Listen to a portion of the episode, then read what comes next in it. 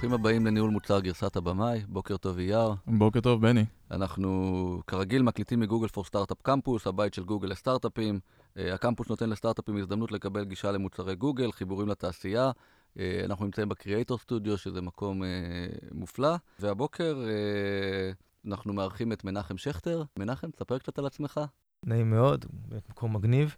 ככה, אני לניהול מוצר הגעתי במקרה, זה היה ב-2012, במקור אני במדעי הרוח מפילוסופיה והיסטוריה. ב-2012 הקמנו מיזם בשם ספרותה, שניסה לפתור את הבעיה של, שכאבה למנהלי חנויות ספרי יד שנייה, שבעצם היה להם רמת friction מאוד מאוד גבוהה של ניהול, של ניהול מלאי, והם היו תמיד מבוססי מקום. וניסינו כאילו לפתוח אותם לאינטרנט, עשינו להם אה, שיווק אה, אוטומטי בפלטפורמות שהיו אז, uh, ניהול מלאים, וזה מוצר שהלך והתפתח. שם בעצם הבנתי את, המש... את המשקל הכבד של uh, ניהול מוצר. בנינו מוצר שגם היה מבוסס על uh, גרסה מוקדמת של למידת מכונה, אבל זה היה, היה מכוון לשוק הישראלי. ואז בנינו מוצר מאוד מושקע בשנתיים וחצי, שכוון לכמה עשרות לקוחות. אה, אחרי ספרותה, הלך, אה, הצטרפתי למיזם אה, בשם סוגיה, לאחר מכן הייתי שותף שם, ואגב, השמות בירושלים קצת שונים למיזמים. ובסוגיה ניסינו ליצור מתודולוגיות דיון וקבלת החלטות בארגונים, שיהיו מבוססות על מתודולוגיות תלמודיות. עבדנו על הכלי הזה המון, עם כל, קצת עם השוואה לפלטפורמות מגבילות, אה, הרבה למידה. וקצת בהקשר של היום, באיזשהו שלב המיזם ואני הלכנו לכיוונים שונים, הייתי, הייתי אחראי על ה product שם, ותפסנו קצת כיוונים שונים. הם הלכו יותר למערכות חינוך, ואני ראיתי את זה יותר אה, כ- כ business. ומשם נפרדנו, והתחלתי להקים את סטודיו בן זכאי. והתחלתי להבין את הצורך מאוד מאוד גדול של אה, ניהול מוצר, שלא הוטמע מספיק אז בחברות. Uh, נכון היום אנחנו כבר כמה, כבר ארבע שנים, חמישה עובדים בירושלים. אז uh, היום באמת uh, נדבר על uh, שאלה שמעסיקה הרבה ממנהלי המוצר. Uh, האם מנהל המוצר הוא, הוא צריך להיתפס כמנכ"ל המוצר? אני חושב שאין מתאים מפילוסוף uh, לדבר על זה. אז באמת, אתה יודע, איפה מתחילה, איפה נגמרת האחריות של מנהל המוצר? למה בחרת, אתה יודע, פנית אלינו לפודקאסט ובחרת בשאלה הזאת, בוא נתחיל מלמה בחרת אותה. כי קודם כל, אנחנו עכשיו אה, בתקופה שכולם מדברים על מה זה מנהל מוצר ומה הגבולות הגזרה, מה אנחנו עושים, ולמרות שלי אישית יש קצת רתיעה מה, מההתעסקות בהגדרות האלה, כלומר אנחנו מתעסקים ב, קצת מלמעלה של הדבר, בכל זאת, ברמת הגבולות גזרה זה מאוד מאוד חשוב, על מה אנחנו דורכים, מה אנחנו עושים. זה דבר שאני כל הזמן נתקל, גם, ש... גם בארגונים שאני עובד איתם וגם בקבוצ... בקבוצות של מפתחי מוצר ומנהלים, מי אחראי על מה ומה אנחנו עושים. אז אה, אולי נדבר קצת על איך התפיסה הזאת בכלל התחילה, מאיפה, מאיפה זה בא.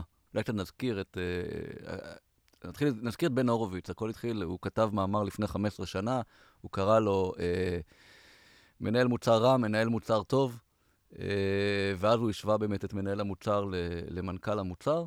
Uh, האמת שגם הוא, uh, ברבות השנים, אמר שזה לא מדויק, אז זה בדיוק הדברים ש...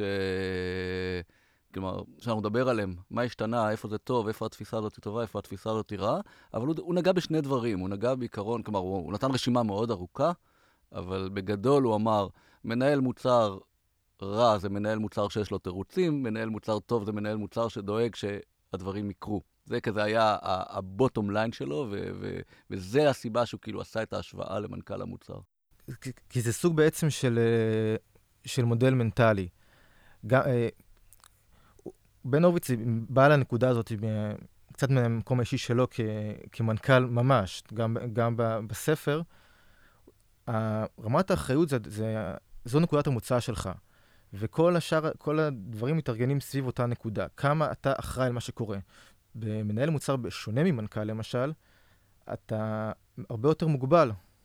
ובכל זאת, היכולת שלך, כי אתה, לא אתה, אתה לא אחראי על, על תקציבים, על משאבים, על תשומות, על, על הפרטים, ובכל זאת, כאילו, ברגע שכאילו אתה מחליט איפה אני עומד ביחס לזה, איך אני גורם לדברים לקרות, איך אני מושפע מה, מה, מכל ההיבטים האלה, זה עושה אותך מנהל מוצר טוב או רע. זה עדיין לא מספיק ברור לי, אני אגיד לך את האמת. כי גם מנכ"ל, זה לא שיש איזה מישהו אחד שהוא לוקח את כל ההחלטות, והוא עושה את כל הדברים בחברה, ולהשתמש באנלוגיה הזאת על מוצר, אז זה אותו דבר. הרי בתור מנהל מוצר, התפקיד שלך הוא לא לקחת את כל ההחלטות לבד, ולעשות את כל הדברים uh, באופן אינדיבידואלי. התפקיד שלך הוא להתייעץ, לדבר, לשמוע, בדיוק כמו שמנכ"ל של חברה רגילה עושה. זה נקודה טובה לשאול, דווקא להתחיל לא מלמה זה טוב, אלא למה אנשים שונאים את ההשוואה הזאת, אוקיי?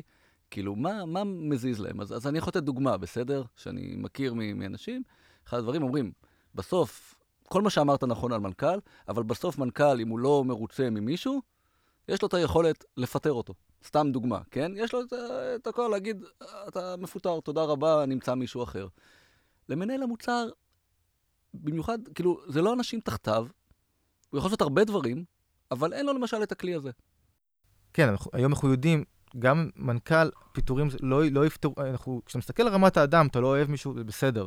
אבל זה לא העניין שלנו, גם, גם המנכ"ל, המטרה שלו להצליח ב, באותו אלמנט. ולכן, לפ, אה, לפטר לא יפתור, לא יהפוך את ה... לא יפתור את הבעיה, את הבעיה למנכ"ל. ואז הוא באותו מצב כמו מנהל המוצר בעצם. אתה צריך לדבר, לגרום לדבר הזה לקרות. אתה, אנחנו תקועים באותה נקודה, אנחנו לא מצליחים להרים מכירות, אנחנו לא מצליחים לדלבר, לדלבר בזמן. אתה צריך לפתור את זה. זה לא משנה, אתה יכול לפטר עד מחר. זה לא, זה לא ייצור בתוצאה חיובית. סך הכל יעצור את הדליפה. עדיין יש למנכ"ל, אתה יודע, יש לו שליטה, ונכון, הוא, הוא תלוי בבורד, והוא תלוי במשקיעים, והוא תלוי בהמון המון המון דברים, אבל עדיין, אם אתה מסתכל, יש לו טיפה יותר שליטה על התקציבים של המוצר, על, על כל מיני דברים ש, ש, שמשפיעים, שאני חושב ש... אה, אתה יודע, אני מאוד אוהב את ההשוואה, ותכף נדבר למה אני אוהב את ההשוואה, אבל זה מה שטיפה מתסכל אנשים שאומרים, תפסיקו עם ההשוואה הזאת. אבל רגע, אם אני רוצה להגיד שאני מנכ"ל מוצר, זאת אומרת שאם אני רואה בעיות בתחומים אחרים שהם מחוץ למוצר, סתם לצורך העניין, sales או marketing, אז בתור מנכ"ל מוצר אני צריך גם להתערב שם, אני צריך להגדיל ראש, זה מה שיהפוך אותי להיות מנכ"ל מוצר?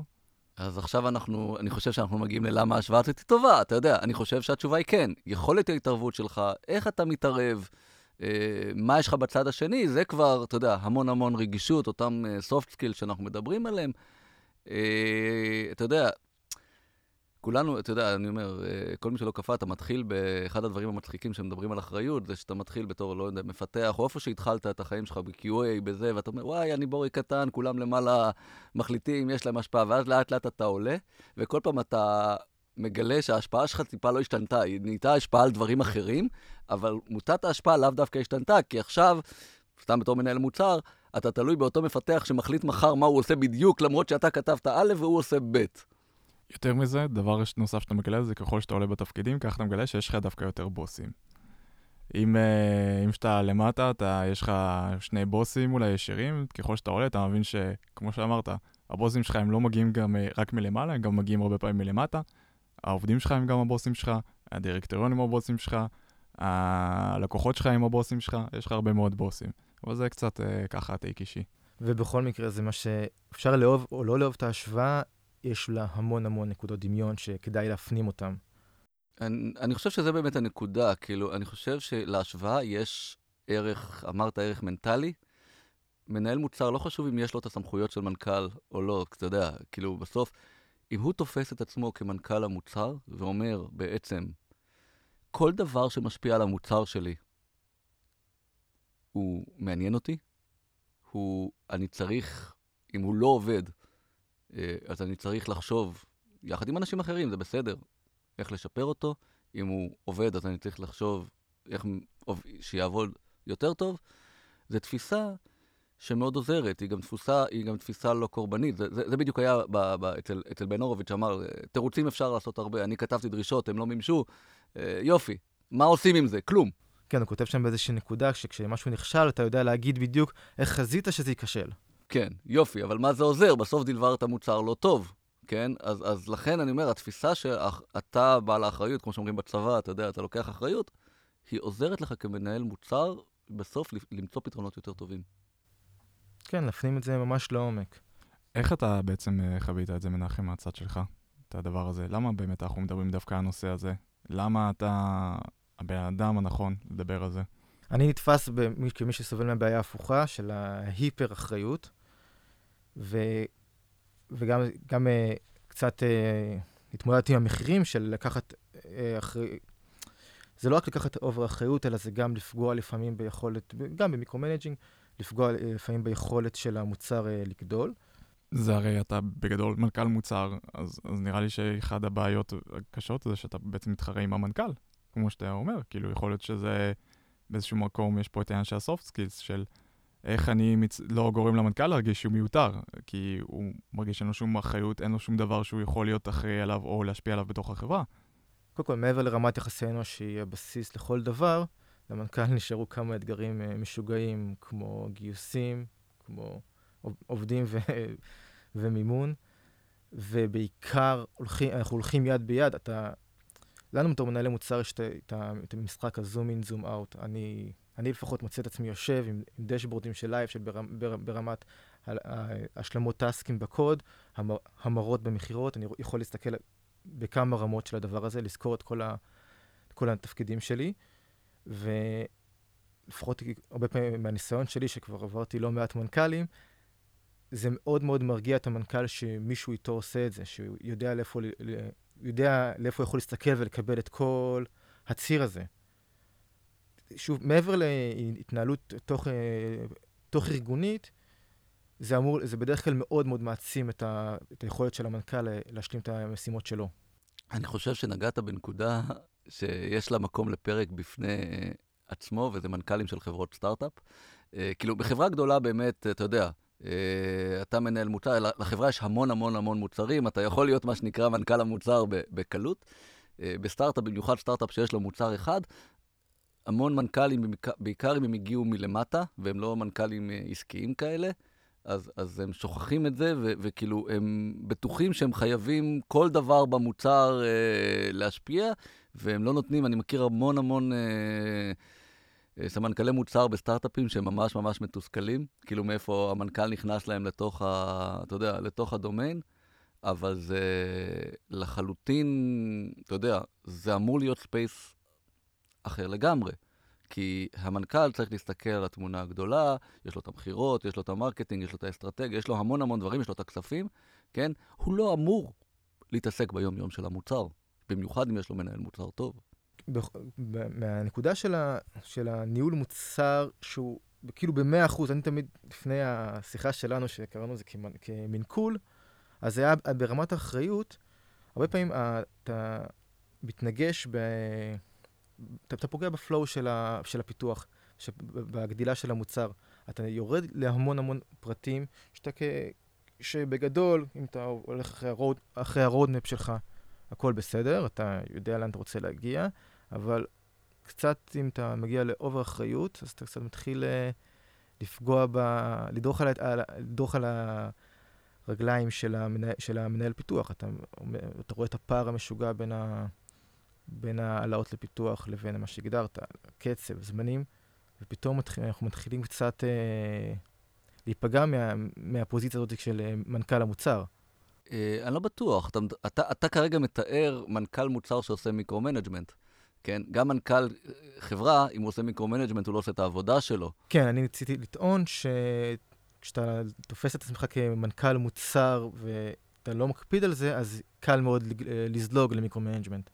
האם כל מנהל מוצר צריך להיות גם מנכ"ל מוצר? האם זה משהו תפיסתי שכל מאזין צריך להבין שאם הוא לא עושה אותו, הוא צריך לעשות? זו, זו אני, אני ממש ממליץ על זה כמודל מנטלי. ואני חייב להגיד שרוב מנהלי המוצר הטובים שראיתי, היו גם uh, מנכ"לי מוצר בעצם. בעיני עצמם, אבל התנהגו ככה. אני חושב שזה באמת הנקודה החשובה. התפיסה המנטלית, עזוב רגע את התפיסה ששום דבר לא אמור לא להטריד אותך, בסדר? אתה צריך כ- כמנכ"ל המוצר או כמנהל המוצר לחשוב איפה יש לך בלוקרים, איפה יש לך דברים שאתה יכול, מה שנקרא, להזיז את המחט, אוקיי? איפה, מה עובד ומה לא עובד. אולי, אתה יודע, אולי מה שצריך לעשות זה לנסות לרדת לדוגמאות. אוקיי? בואו ננסה לתת דוגמאות קונקרטיות מחיי היום-יום, נחבר את זה למאזינים, כי, כי עד עכשיו דיברנו קצת אה, מאוד יפה, אבל מאוד מאוד באוויר. בסדר? אה, מנחם, אתה רוצה להתחיל עם דוגמה? אה, טוב, אני...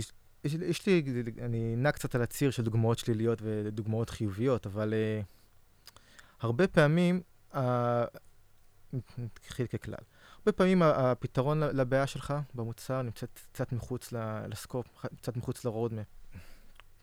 עבדתי על מוצר של... אה, שהמטרה שלו הייתה מוצר חומרה של השתקת אה, נחירות, רץ מאוד מאוד יפה ב, במימון אה, מוקדם, הגענו להישגים משוגעים. וכשישבתי באותה תקופה על החלק של, של ה marketing, ראינו שיש לנו, שיש לנו פערים מאוד מאוד מש- משוגעים בין, ה, בין האהדה הלא- מעטה שיש לפתרון שהצענו, לבין האופן שבו אנשים אה, מבינים את ה... הקהל, קהל היעד מבין את מה שאנחנו הולכים לעשות, הם חשבו שאנחנו הולכים לרפא את בעיות הנחירות בעולם. כשאנחנו הצענו השתקה. עכשיו, המערכת ניהול, המכירות עבדה מדהים, מכרנו, היום כבר אפשר קצת יותר להגיד את המספרים, אבל מכר, מכרנו ב-2 מיליון דולר בזמן מאוד מאוד קצר, חברה קטנה, אבל אנחנו, התחלתי לראות שאנחנו, שאנחנו אה, יוצרים איזושהי בעיה עתידית. שוב, זה לא בעיה שלי, אני גם, שוב, אתה מגיע מבחוץ. זה לא בהכרח הבעיה שלי שה, שהלקוחות אה, לא מבינים את מה שאתה עושה ומצפים. שאחרי שהם משלמים. על המוצר וישתמשו בו, לתוצאה שונה. אבל אני ידעתי טוב מאוד שבתוך שנה אנחנו או נתחיל לפתח מערכת אה, שירות לקוחות מאוד מאוד גדולה, או שאנחנו מתחילים לפתור את זה עכשיו. אתה עוד צריך ללכת למנכ"ל ולהגיד לו, תשמע, חייבים לשנות את זה, צריך לשנות. את ההבנה. נעשה יח"צ, נעשה, נעשה סרטונים, לא משנה מה. אנחנו חייבים לראות שרמת ההבנה של, הלקוח, של המשתמשים שלנו, את המוצר, מוצר חומרה, הולמת את מה שאנחנו הולכים לעשות. אחרת הולך להיות לנו שיטסטורם ענק עוד שנה. זה מסוג, מסוג הדברים שרק הבנה מלאה של, של ה... שזה פשוט כמו יחידה קטנה שאתה המנכ"ל שלה, אתה אמון על תוצאות שלה, כי אתה לא... חושב על המשכורת הבאה שלך, או על העושר של העובדים שלך. אתה חושב על איך המוצר הזה הולך לפרוח. זה, זה היבט מאוד משמעותי של, של הסתכלות על זה כמנכ"ל. באותה דוגמה, היה איש marketing, שזה היה האחריות שלו? האחריות של איש ה marketing זה להגדיל את המכירות. אז אתה, אנחנו בעצם מדברים על המקום הזה של product marketing. שוב, הבעיה הייתה לא רק של, לא של הגדלת המכירות, הבעיה הייתה שאחרי שהמכירות ילכו מעולה, הלקוחות לא יאהבו את מה שהם קנו, כי הם לא הבינו את זה עד הסוף. יש איזה קו עדין במוצר.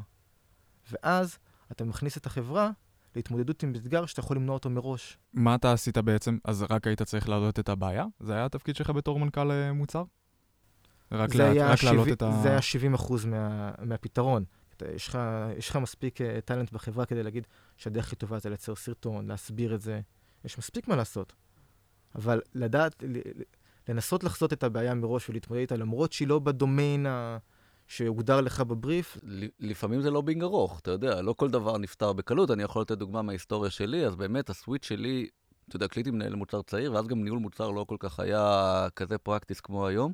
אז באמת, כמו הרבה מנהלי מוצר, חשבתי, כתבתי דרישות יפות, הכל טוב, ו... וכשפיתוח לא תמיד דלברו, אז לא יודע, אז פיתוח לא דלברו, מה אתם רוצים ממני? כאילו, אני עשיתי את העבודה שלי. זה... והסוויץ', ה switch שלי ב mind, מתי שהתחלתי להיות בעצם מנהל מוצר אה, הרבה הרבה יותר טוב, זה כשאמרתי, אוקיי, זה כן בעיה שלי. למשל, בחברה אחרת, יותר מאוחר, כמה שנים אחרי זה, אה, אותו דבר, כתבתי דרישות, אני רואה שלא מדולבר, הייתי עסוק, וזה הלובינג ארוך, בחצי שנה לנסות להעביר את הפיתוח ל agile. בסדר? כי זה, כי הם עבדו שם waterfall, אתה יודע, אנחנו, אתה יודע, ימי הדינוזאורים, אבל...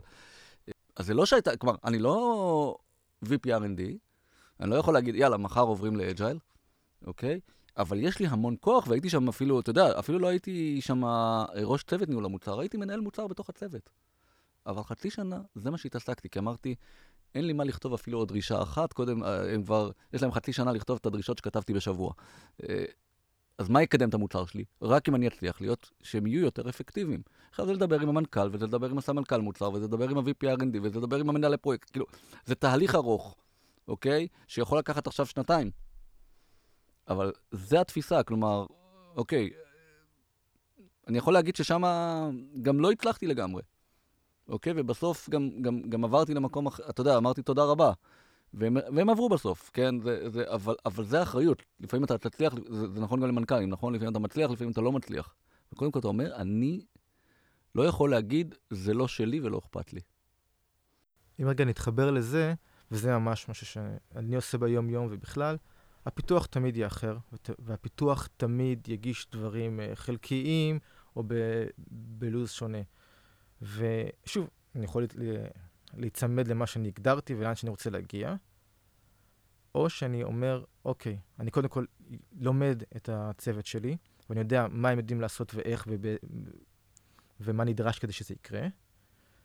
ואני, יותר חשוב מזה, אני יודע להתאים את המוצר ללקוחות שלי, לפי הקצב האמיתי שלנו, לפי הקצב הריאלי.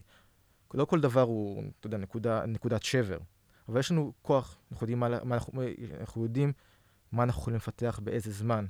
אנחנו יודעים, אני, אני התחלתי להבין ש, שבצוות הנוכחי שלי, שהמוצר שאני עובד עכשיו, הצוות הנוכחי שלי, אנחנו מאוד מאוד חדים בדיזיין, אנחנו עושים דברים שעובדים מאוד טוב, והלקוחות אוהבים אותם, אבל כל פעם שאני טיפה חוזר ל, ל, לביצועי שרת וטיפה רוצה לשפר דברים שמה, פתאום אה, נתקעים, אה, עלי קנבן, נתקעים פתאום חודש על דברים, ולא הבינו וכן הבינו, ודברים שאני לא ראיתי כבר שלוש שנים. ואז אני מתחיל להבין איך אני מתכנן, מתכנן את ההתקדמות שלי הלאה. אני מבין שאני יכול, אה, שאני קצת, קצת מת, מתלבש הרבה מאוד על לייצר ערך מתוך הדיזיין, נותן להם בעיקר דברים מבוססי דיזיין, ואת כל, ויוצר backlog ב, על, על, על ביצועי השרת, על דברים שיכולו לשפר אותי ב, ב, בעולם נתון אחר, אבל זו החברה שלי, זה המוצר שלי, זה מה שאני יכול לעשות עכשיו. אני יכול עכשיו כנוט לעתיד, לשפר את זה, לראות, אולי להוסיף אה, איש צוות, לשנות, לשנות חלק מהצוות. אבל נכון לעכשיו, זה מה שאני יכול לעשות. אני חייב להתאים את המוצר למציאות. אני אגיד לך, זה כאילו, גם אם אני מחליט שאני הופך להיות מנכ"ל מוצר, תפיסתית, כן? יש הרבה פעמים דברים שאני לא אהיה חשוף אליהם, ויכול להיות שאני... וזה פשוט משפיע גם על, ה... על התפיסה שלי, של איך, איך הארגון אמור להתקדם. יכול להיות שאני חושב שבטווח הארוך יש איזה משהו שיכול לגרום לאיזשהו נזק, ואני ארצה להתאבד על זה, מה שנקרא, ואני ארצה להגיד לכל העולם שצריך ללכת לכיוון הזה שאני חושב, אבל אני לא חשוף שבלבל של הסיילס, הדבר הזה שאני כל כך מתנגד לו, יש לו איזשהו יתרון בטווח הקצר, או איזשהו יתרון אסטרטגי, או איזה יתרון של uh, שיווקי. אז זה מאוד יפה שאנחנו מאוד רוצים שהמנהלי מוצר יגדילו ראש, אבל הרבה פעמים אין להם את הדאטה, את הידע, הם לא חשופים לכל הדברים שקורים בתמונה הכוללת כדי שהם באמת יוכלו לעשות את זה, כדי שהם באמת יוכלו להיות מנכ"ל מוצר. נגעת בנקודה טובה. השלב הראשון הוא להשיג את הדאטה. עכשיו, לפעמים יש, כלומר, יש כמה מחסומים, נכון? לתוך ההשגת דאטה. חלק הם בשליטה שלי כמנהל מוצר וחלק לא. כלומר, הרבה מנהלי מוצר לא מכירים את הדאטה הזה פשוט כי הם לא מתעניינים, אוקיי? הכל חשוף, הכל ידוע, אבל הם uh, קבורים בתוך המוצר. זה משהו שקל לפתור, אוקיי? כאילו, תשנה את הגישה, יהיה לך גישה.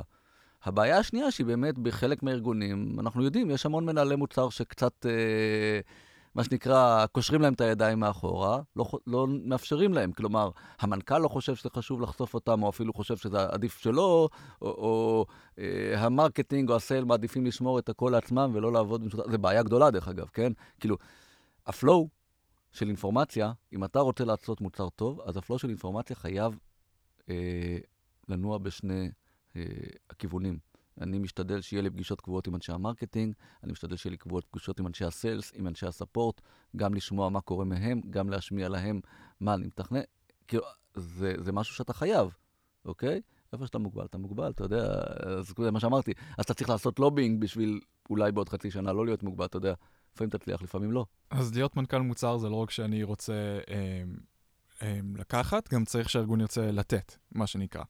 לאפשר, הייתי אומר. לאפשר, כן. לאפשר, כן, אבל הפוזיציה שבה אנחנו שואלים שאלות, אני זוכר שקראתי לך פעם על כמות השאלות שצריך לשאול, אה, הפוזיציה הזאת היא מאוד מאוד חשובה. אני כמעט לא נתקלתי, אולי כי אני מגיע עכשיו הרבה כבר מבחוץ, כמעט לא נתקלתי על שאלות שלא מקבלות תשובות, תשובות כאילו כמו בצבא, ש, שדברים אה, חסויים לגמרי. אם אתה שואל את השאלה, לפעמים אתה לא שואל את האדם הנכון. אתה צריך לשאול את הראש צוות, או, או, או להיכנס למחלקה אחרת ולשאול. אבל אם אנחנו מתחילים לשאול, אנחנו מקבלים תשובות. אבל לפני זה אתה צריך לדעת מה לשאול, וזה גם נוגע למשהו אחר, שהרבה פעמים אני שומע למשל מאנשי מוצר אחרים. אומרים, יש לי אפס ידע טכני.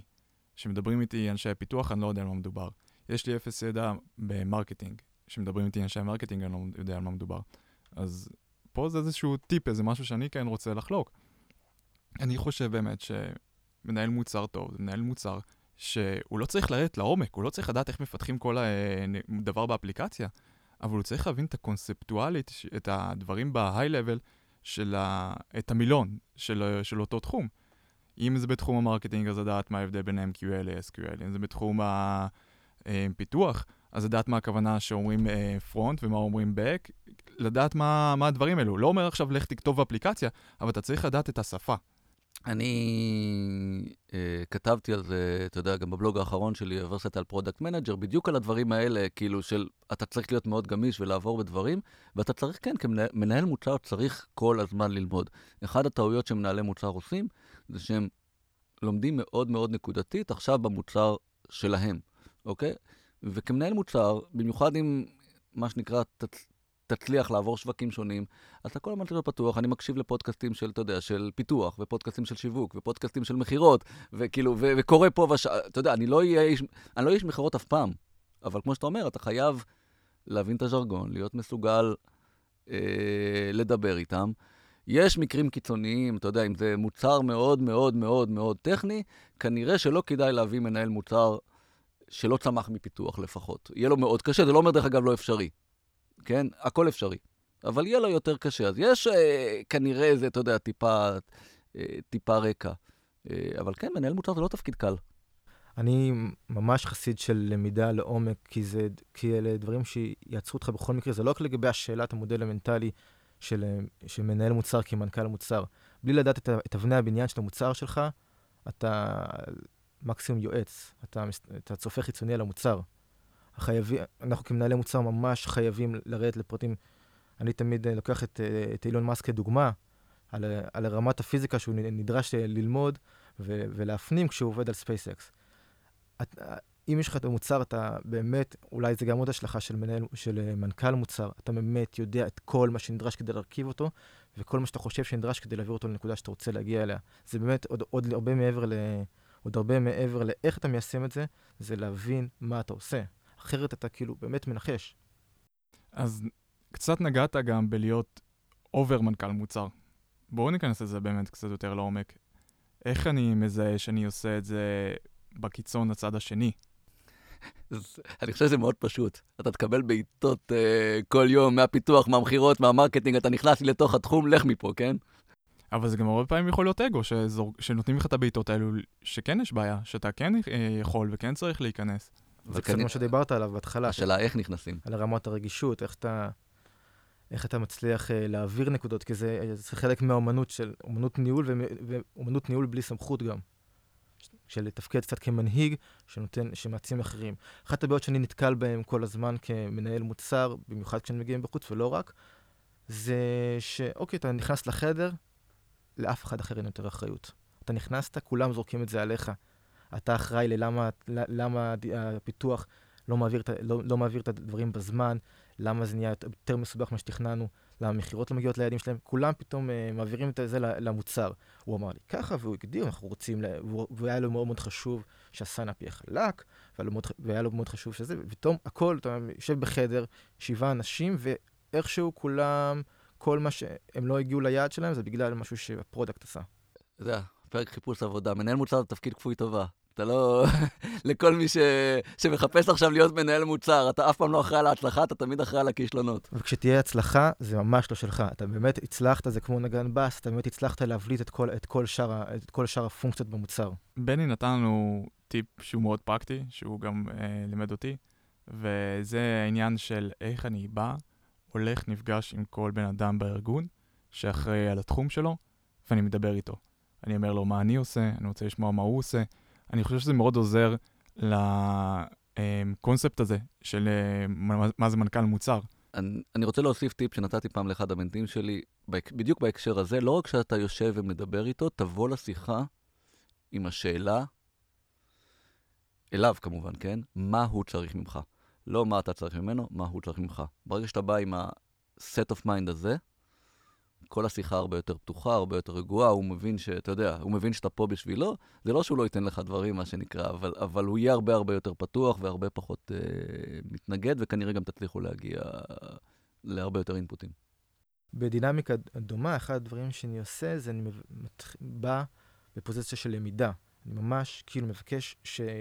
שילמד אותי. לא, ב... לא, לא, לא כנשמע משהו חיצוני ומפוקפק, אלא באמת, זה, זה לא שאלה אחת. אתה שואל עוד שאלה ועוד שאלה, ומנסה ממש ללמוד. אתה לא, עוד לא, עוד לא עושים שיתוף פעולה, עוד לא מחברים את הנקודות. רק ללמוד איך הוא מנהל, איך הוא מגיע ליעדים שלו. הדרך שלי אחרי זה גם אה, להנהיג אותו, במובן לא, לא הרודני, היא לדעת איך הוא חושב ואיך הוא רוצה להגיע לנקודה שהוא רוצה להגיע, איפה הוא מתעכב, מה הוא אוהב, ואת זה, ואת זה על ידי להגיע בפוזיציה יותר נמוכה, לפחות בשיחה, כדי ללמוד, אני מקבל מזה המון המון ערך. זה באמת הפרקטיות של זה, של איך עושים את זה. זה איך אני לוקח את האחריות, איך אני מדבר עם אנשים, איך אני פונה אליהם, למרות שאין לי באמת סמכות עליהם. זה התפיסה הזאת שאנחנו מדברים של מנכ"ל מוצר. כן, זה, אני אומר, זה, זה, זה נוגע בשתי צורות. אחד, זה באמת התרגול של communication, לא לבוא מהאגו, להיות מאוד מאוד פתוח, מאוד לא יודע לכאורה, אתה יודע, יש את הדוגמאות תמיד. מנהל, מה קורה כשאיש מכירות בא אליך ואומר, וואי, יש לי איזה פיצ'ר מדהים, כן? רוצה. עכשיו, אתה, את הפיצ'ר הזה מחזיק בבקלוג כבר חצי שנה ולא מצליח לדלבר אותו. זה לא שהרבה פעמים הוא לא מפתיע אותך. התשובה הטבעית של הרבה אנשים זה, כן, אני מכיר, מה, מה שיקרה, איש המכירות לא יגיע אליך אף פעם יותר, כשמה שאתה צריך לענות זה, וואו, איזה יופי, בוא תספר לי על זה עוד, גם אם שמעת את כל זה כבר חמש פעמים. כן? כי אתה רוצה שהוא יבוא אליך עוד פעם, בפיצ'ר החמישי תלמד משהו חדש ובאמת אה, יועיל למוצר. אז זה המון המון המון רגישות. עוד פעם, אבל אני חושב שהחלק היותר חשוב, זה עוד פעם, זה ה... אנחנו חוזרים כל הזמן לאותה תפיסה של זה אחריות שלי, המוצר, אוקיי? זה כולי, אולי כזה, אתה יודע, הטיפ שלי אה, לסיכום כזה, אה, אנחנו ניגע בפיתוח, אה, אולי גם ניתן איזה ספוילר קטן. אתה יודע, נגענו בכל מיני מישורים, ספציפית על הפיתוח, אנחנו נעשה אה, פרק אה, מיוחד על תרבות פיתוח ואיך מנהל מוצר צריך להיות מעורב בתרבות פיתוח, ואני חושב שהוא ידבר הרבה עם הפרק הזה. אה, אז יש שם המון מקום לצלול שלא צללנו היום.